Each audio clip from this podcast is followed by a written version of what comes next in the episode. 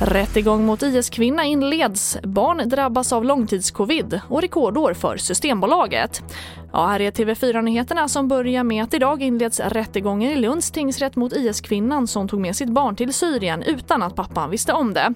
Kvinnan greps på Arlanda i november förra året när hon var på väg hem och hon misstänks för grov egenmäktighet med barn.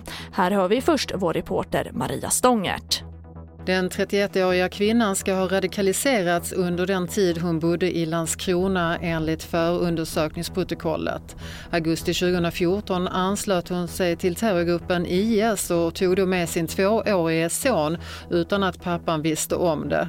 Hon ska därefter befunnit sig i Raqqa och när IS till slut föll satt hon bland annat i Al-Hol-lägret. Den 30 november förra året greps hon på Arlanda.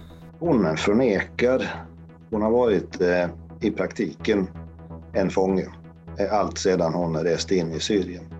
Hon har inte haft möjlighet att eh, avvika. Hon har försökt. Hon har försökt flera gånger. Och sist här hörde vi kvinnans försvarsadvokat Lars Kruse och mer om det här kan du se på tv4.se. Och allt fler barn utreds för långtidscovid. På kort tid har över 200 barn fått diagnosen i Region Stockholm, det rapporterar SVT.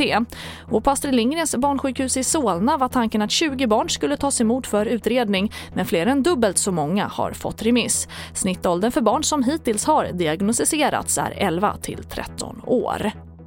Och vi avslutar med att alkoholförsäljningen i Sverige ökade med 11% förra året och Systembolaget har gjort ett rekordår, det rapporterar SR.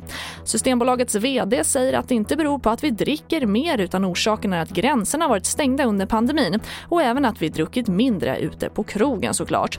Och den största ökningen var av öl och sprit. Och det var det senaste med TV4 Nyheterna. Jag heter Charlotte Hemgren.